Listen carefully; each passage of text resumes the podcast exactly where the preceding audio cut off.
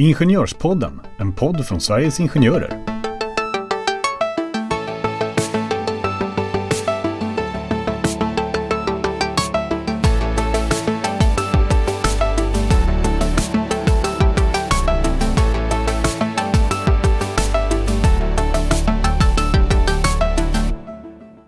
I dagens avsnitt så kommer vi att prata om hemligheter och det kommer inte vara vilka hemligheter som helst. Det kommer vara företagshemligheter, så kanske inte lika spännande. Eller så är det det.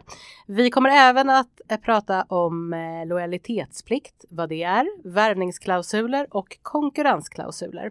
Och vi, för er som har lyssnat tidigare så kommer ni säkert ihåg att vi har pratat om det här, men vi ser att det fortfarande faktiskt finns eh, ganska stor okunskap inom området och det är inte så enkelt som man skulle kunna tro. Och våra medlemmar blir faktiskt, eh, faktiskt oftare och oftare drabbade. Så att vad är en företagshemlighet och hur lojal måste man egentligen vara? Ska vi köra igång Stina? Det tycker jag att vi gör. Då kör vi.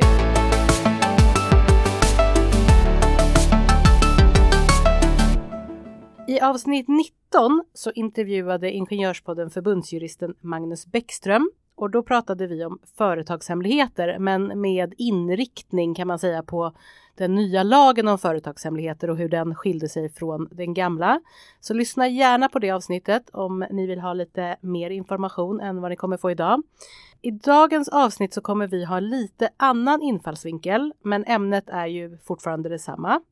Och varför ska vi prata om just företagshemligheter denna vecka, Stina? Ja, det är en ständigt aktuell fråga, men ännu mer så eftersom vi ganska nyligen i slutet av februari fick ett avgörande från Arbetsdomstolen. Mm.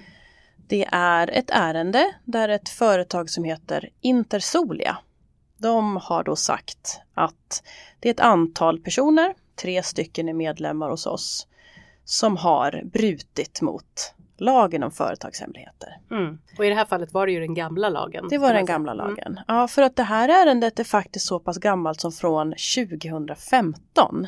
Redan då var det någonting som inträffades och sen har bara haft en, en lång process, varit uppe i tingsrätt och så slutligen avgjordes det i Arbetsdomstolen.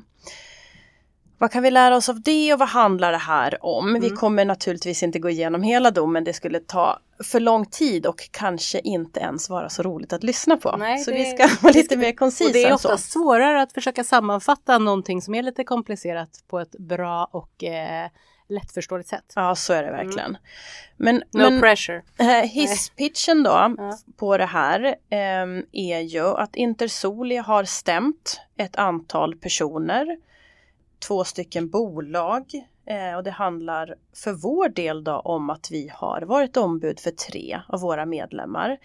Det här är som jag nämnde har pågått under flera år. Det har varit väldigt många personer involverade, många ombud involverade och det handlar ju ytterst om har personer agerat på ett sätt som är i strid med med lagen om företagshemligheter och om man går direkt till vad domstolen kom fram till så mm Ingen av våra medlemmar dömdes för det men både ett bolag och en person har dömts mm. för att det är brott mot den lagen. Men ska jag backa bara så att mm. Eh, för jag tänker att om man eh, nu ritar jag en karta i mitt huvud här men de här eh, det fanns ju ett antal anställda som hade jobbat, alltså de var före detta anställda på Intersolia.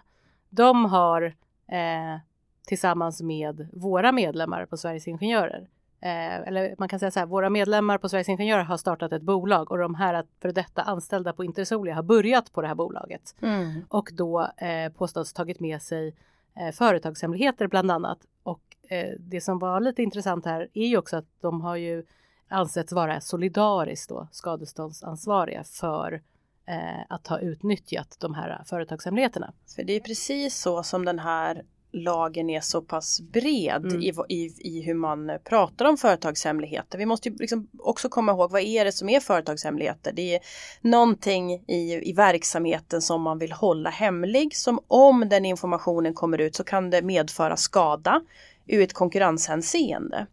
Eh, och du Jenny, du har ju haft förmånen att även vara med under de här domstolsförhandlingarna. Så att du har ju en, en god in, insyn i, i hur, hur omfattande den här processen har varit. Men precis som du säger så är det ju så att förutom att en individ eh, som arbetar på ett ställe, mm. om jag jobbar på ett företag och sen så tar jag med mig någonting som är företagshemligt och så går jag till en ny arbetsgivare. Om jag använder den informationen där, då kan även min nya arbetsgivare göra sig skyldig till brott mot företagshemlighetslagen.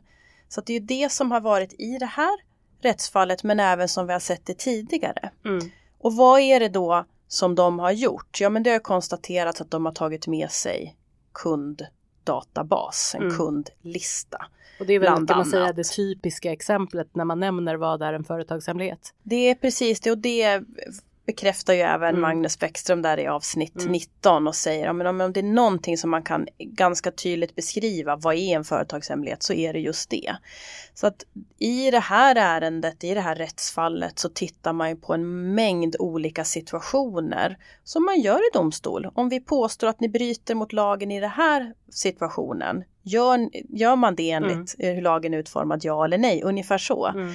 Och så kommer man fram till eh, i det här fallet då, att man har brutit på, på några sätt. Mm. Men eh, för våra medlemmars räkning så har de inte dömts skyldiga till det här. Men det är ju en, en, en långtgående process som hållit på väldigt länge. Ja men precis för att våra medlemmar eh, man säga, åkte dit gjorde de ju inte i något fall här faktiskt utan de blev ju helt friade. Men precis som du säger Stina, det, det är ju en väldigt lång process och det kan ju finnas andra aspekter varför man absolut inte under några omständigheter vill hamna i den processen. Och när man pratar om företagshemligheter så tycker jag att man ofta kan tänka så här att ja men hur svårt kan det vara att veta vad som är en företagshemlighet och inte och att det borde väl alla veta och inte då Ja, det är lätt att sitta så här efterhand ja. men är som facit mm. i hand att du gjorde det här. Är det ett brott mot lagen? Ja eller nej? Du gjorde det här. Så kan vi lite grann vara efterkloka och ja. tycka men jaha, men det är väl självklart. Och det, visst, det här med kundlista har vi återigen mm. blivit varse om mm. att det eh, så som de agerade här eh, så är det i strid med det. Och, och det kan man ju tänka, vad, vad har vi för medskick då till våra medlemmar?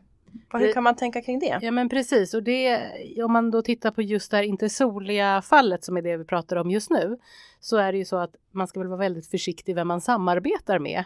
Eh, för i det här fallet så var det ju faktiskt också så, de var ju anställda men de hade ju fortfarande startat ett eget bolag som de då själva var anställda i. Och, eh, och det behöver ju inte vara bara i den situationen men om det kommer någon utifrån med massa kunskap så kanske man ändå ska tänka sig en och två gånger hur kom den kunskapen in och är det här okej? Okay? Um, så, så det kan väl vara ett steg och att också dokumentera.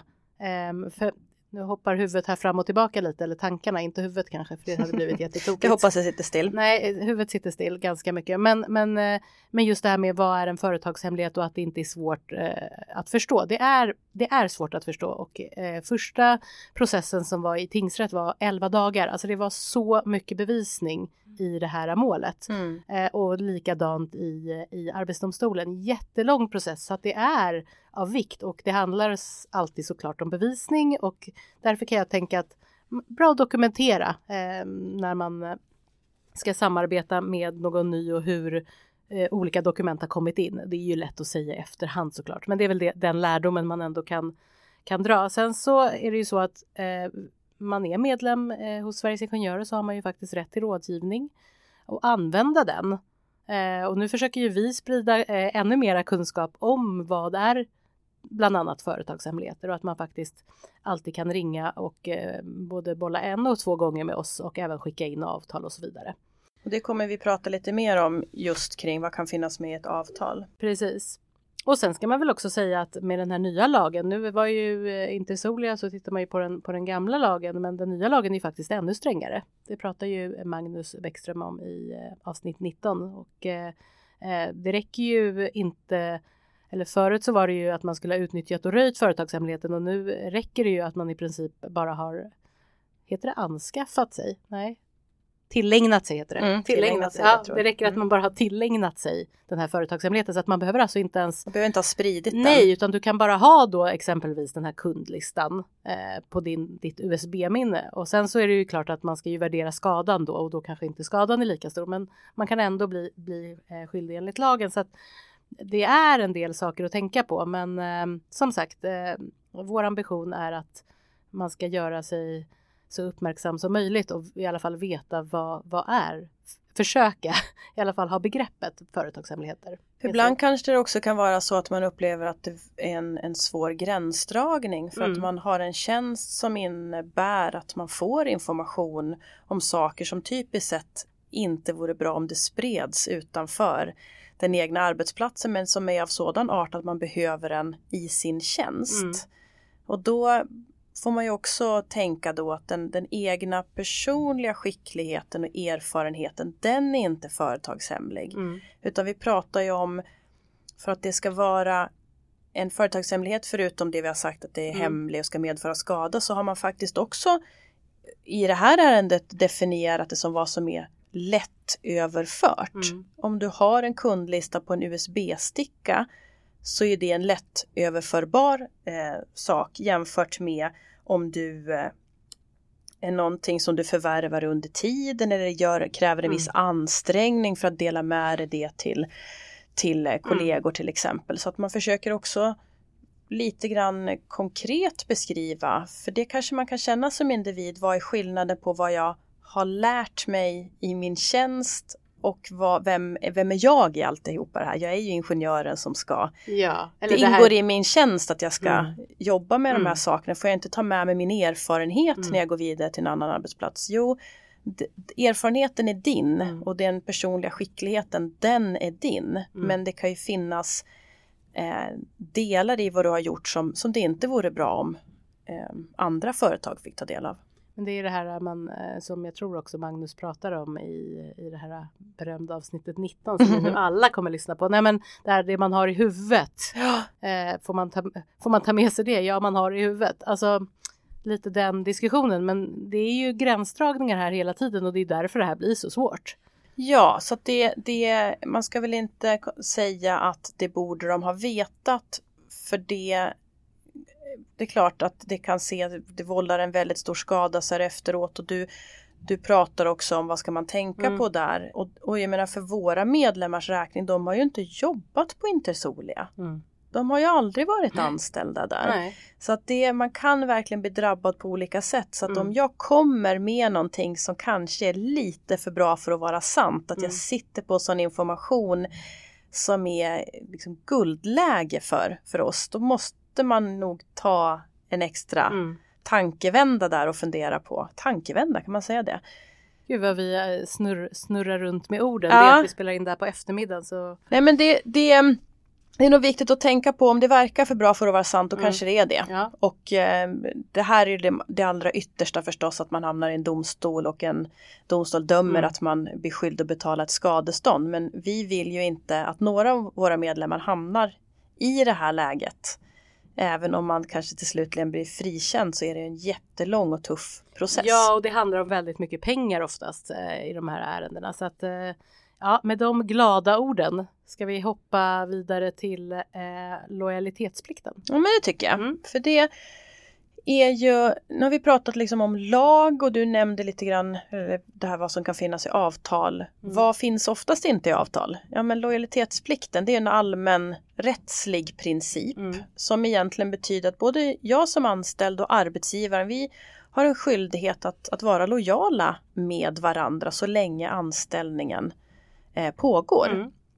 Och sen i vissa anställningsavtal, ja men då har man varit tydlig och skrivit ut det så att det står en, en sån rubrik att man har lojalitetsplikt. Man måste komma ihåg att det är mellan båda två. Det, jag som arbetstagare har en lojalitetsplikt gentemot min arbetsgivare men arbetsgivaren har det också. Men sen kan man tänka lojalitet, alltså det kan betyda så många olika saker. Mm. Det finns väl någon beskrivning som är sådär att man ska alltid tänka på att sätta arbetsgivaren före sig själv. Och Ja. om man har den, då kanske man förstår att nej men om man startar en konkurrerande verksamhet under bestående anställning, då har man ju inte Då är man inte lojal. Då är man inte snäll. Nej, nej. nej, nej precis. Mm. Och, och, det är ett bra sätt att uttrycka det på att man förväntas faktiskt, det är en ganska bred tolkning mm. på den mm. lojalitetsplikten. Mm. Ja.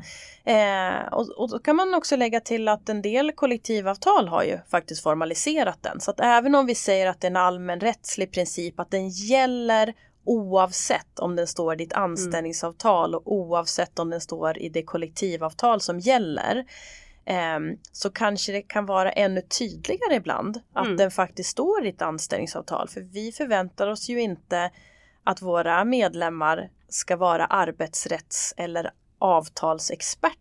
Så ibland Nej, är, är det tydligare ja. med vad som faktiskt uttryckligen står, även om det ju inte går att fånga upp allting. Men... Nej, men det är som du säger, för att företagshemlighetslagen är ju ändå en lag och lagar förväntas vi känna till. Eh, men lojalitetsplikten är en tyst reglering. Den står mm. inte i där den skulle kunna stå, typ eh, lagen om anställningsskydd. Nej. Där tänker man ju att den faktiskt egentligen skulle kunna stå. Mm. Men det gör den ju inte. Det kanske på ett sätt den borde, jag vet inte. Eller inte. Nej. Nej. Men det är i alla fall lojalitetsplikten. Eh, Men sen så har vi ju eh, sådant som då står i avtalet. Mm två klausuler och det är ju värvningsklausul och konkurrensklausul. Båda behöver ju absolut inte stå. Men de kan ju stå, för det är ju så att om de inte står, om man inte har ett anställningsavtal som eh, har en värvningsklausul eller en konkurrensklausul, då är man ju efter att anställningen har löpt, ut och då ska vi säga det också att den här lojalitetsplikten vi pratade om, den gäller ju även under uppsägningstid. Mm. Eh, och även om du är arbetsbefriad mm. under uppsägningstiden. Mm, så att det gäller liksom till sista anställningsdagen. Mm. Men därefter, dagen efter, om du inte har någon konkurrensklausul till exempel eller värvningsklausul, då är du ju fri att starta en konkurrerande verksamhet och försöka värva över exempelvis gamla kollegor. Mm. För en värvningsklausul, det är ju eh, en klausul som eh, vi ser väl relativt vanlig att den står med i ett, mm. i ett anställningsavtal som eh, hindrar dig som anställd att värva över både, det kan vara, den kan ju vara lite olika formulerad, men både kunder eh, och eh, före detta kollegor mm. eh, när du tar en ny anställning. Mm. Och eh, den står ju uttryckligen i anställningsavtalet. Man kan väl säga att den är lite mjukare än kon en konkurrensklausul som du kommer att prata lite mer om.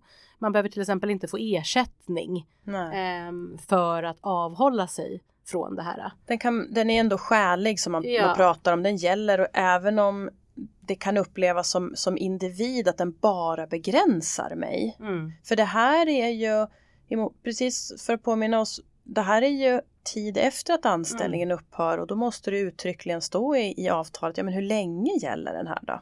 Exakt, men det som är det viktiga med egentligen båda de här klausulerna det är att när man väl har skrivit på ett anställningsavtal att man vet att man har gjort en avvägning Eh, vad betyder de här klausulerna och vad kommer hända när jag har avslutat min anställning? Mm. Så att man, man vet det. Man måste sia lite grann mm. i framtiden faktiskt och göra där en bedömning. Hur gärna vill jag ha det här jobbet mm. och vill tacka ja till det erbjudande jag får och skriva under avtalet och hur pass begränsande tror jag att det här kommer vara i efterhand? Jag menar, har man en värvningsklausul och jobbar som säljare, då är det ju svårt att gå vidare och ta en ny säljtjänst mm Eh, om inte det är inom ett helt annat område. För då är man ju uttryckligen begränsad mm. att göra vissa saker under en tid. Det kanske är ett år eller mm. nio månader eller mm. sådär. Mm.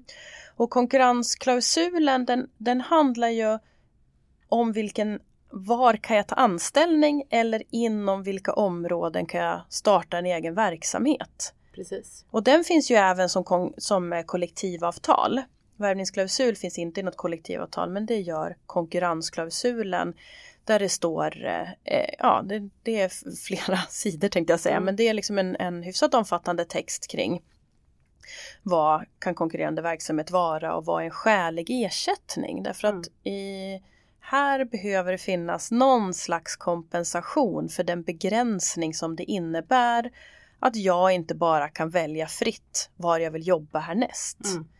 Så det är ju en skillnad mellan de här två. Den här anses ju vara mycket mer ingripande för en individ och då, då krävs det någon form av kompensation från arbetsgivaren för den inlåsningseffekt mm. som det faktiskt innebär. Ja, och det var ju det vi lite kom in på innan, men det är ju viktigt att tänka att om jag har en konkurrensklausul och den kommer att begränsa mig så pass mycket, jag kanske bor på en liten ort där jag jobbar någonstans och det kanske inte finns så himla många olika eh, alternativ för mig. Mm. Då blir det ju i princip ett nästan näringsförbud. Alltså det mm. blir väldigt svårt att, att kanske försörja sig. Så att, eh, och ja, det, det är det vi väl... upplever från många medlemmar också. Att ja, men gud, nu har jag skrivit på den här eh, redan. Vad, mm. vad, kan jag göra nu då? Ja, och då får man ju komma ihåg det att, att underskrivna avtal, huvudregeln är ju de gäller. Mm. Hur orimligt eller hur oskälig jag själv kan tycka mm. att den är så gäller den fram tills dess att man har fått den prövad och det har liksom, man kommer fram till kanske i domstol att, att äh, men den var oskälig mm. och det ser vi ju också både, både med konkurrensklausul och värvningsförbuden att det är ju nu och då så prövas det här för att mm. se hur lång tid efteråt kan den ta sikte på och är den allt för öppet skriven så blir det också allt för öppen tolkning. Mm. Så att, det kan, tycker jag man ska tänka på, förutom att man alltid måste fundera på vad får det här för effekter efter att min anställning upphör? Och finns det något vite kopplat till det här? Alltså finns det redan på förhand ett bestämt skadestånd mm. om jag bryter mot det här? Eh, också tänka, vad är konkurrerande verksamhet? Ja. Vad betyder det? Ha en sån dialog med arbetsgivaren och försöka få mm. klarhet i Gäller det stora branscher? Gäller det vissa företag? Gäller det eh, andra som jobbar med just en del av den här produkten? Att försöka få en, en uppfattning om vad, vad är det vi pratar om mm. egentligen? Mm. För att där kunna ta ställning till vad riskerar jag genom Exakt. att skriva under? Ja. Eller vad kommer den här anställningen ge mig för möjligheter om mm. jag tackar ja? Så att det är, det ställer ganska höga krav på på dig som individ att behöva vara den där siaren men, men man åtminstone har en dialog med, med potentiella arbetsgivare kring det här. Mm. Ehm, så, så hoppas vi att, att det ska bli lite tydligare och som sagt prata gärna med oss i, i rådgivningen. Mm. Både du och jag Jenny sitter ju där och tar emot sådana samtal och mm. kan förhoppningsvis ha en, en bra dialog kring det här. Vad det ja, kan men innebära. Precis, exakt, för det, det är klart att eh, om man liksom sammanfattar de här fyra bitarna så är det ju så att lagen om företagshemlighet det är ju lag, den gäller ju liksom oavsett. Mm. Sen har du lojalitetsplikten, den gäller under anställningen. Och sen så har du värvningsklausul och konkurrensklausuler som är klausuler i ditt anställningsavtal som börjar gälla när du har avslutat din anställning. Mm. Eh, men i, som i alla fall så är det alltid bättre att ringa innan det händer än efter. Mm. Det är ju mm. lite så. Mm. Så att såklart är ju det optimala att man ringer innan man ska skriva på. Ja. När man just pratar om värvningsklausul och konkurrensklausul. Ja. Lojalitetsplikt, det, ju, det kan ju vara svårt att säga att ring gärna innan du tänker göra någonting illojalt. Men det är ju det man vill säga. man kan väl, och där är väl liksom, finns det någonting som, som är väldigt tydligt vad man inte får göra, då är det ju att, att starta en ny konkurrerande verksamhet under sin anställning. Man ska inte registrera något nytt bolag eller Nej. någonting sånt eh, under sin anställning. Det är väl en väldigt tydlig tumregel mm. på samma mm. sätt som med med lagen om företagshemligheter att, att ta med sig en kundlista. Mm. Eller ritningar. Eller... Sådana precis tydliga, tydligt, informa ett tydligt material som mm, man kan liksom förstå mm. att arbetsgivaren skulle det skulle kunna medföra stor skada om det här mm. blev allmänt känt. Receptet på Coca-Cola. Ja, det är nog värt mycket pengar. Det är värt mycket pengar. Och skulle generera ganska höga skadeståndsbelopp. ja, nej men eh, Stina, känner du dig eh, redo att avsluta eller eh, hade du någonting mer som du vill ha som slutord? Eller får Coca-Cola-receptet bli slutorden? Jag tror att det får bli slutordet och mm. den som är intresserad av att veta någonting mer så kan vi ju säga att, att den här domen som vi har pratat om, den finns ju förstås tillgänglig. Är man så att man gärna vill läsa den så är det allmänna handlingar det här. Så Vilket, det... har du numret där ja, på Arbetsdomstolens? Det har jag. Mm. Det var ju nummer 11 mm. snedstreck 20. Mm. Så 2020 så var det den elfte. Mm, det elfte domen. Ja. ja. Ja men det är bra men eh, då säger vi så och sen så eh, hörs vi nästa gång helt enkelt. Ja det gör vi. Och du och jag vi... hörs ju absolut nästa gång Stina men vi hoppas ju att ni där ute också. Glöm inte för all del att prenumerera på podden. Ja. Så ni vet när den kommer. För då har vi ju redan eh, gjort en liten sån där hint om Mm. vad det är vi ska prata om. För vi, vi började beröra föräldraledighet och Mm. allting som omgärdade det och det tänkte vi plocka upp igen och Ja. svara på lite frågor. Så Mm. vi hoppas att ni är med och lyssnar då. Ja, men då får ni ha det så bra så länge så säger vi hej svej. Hej! Hej!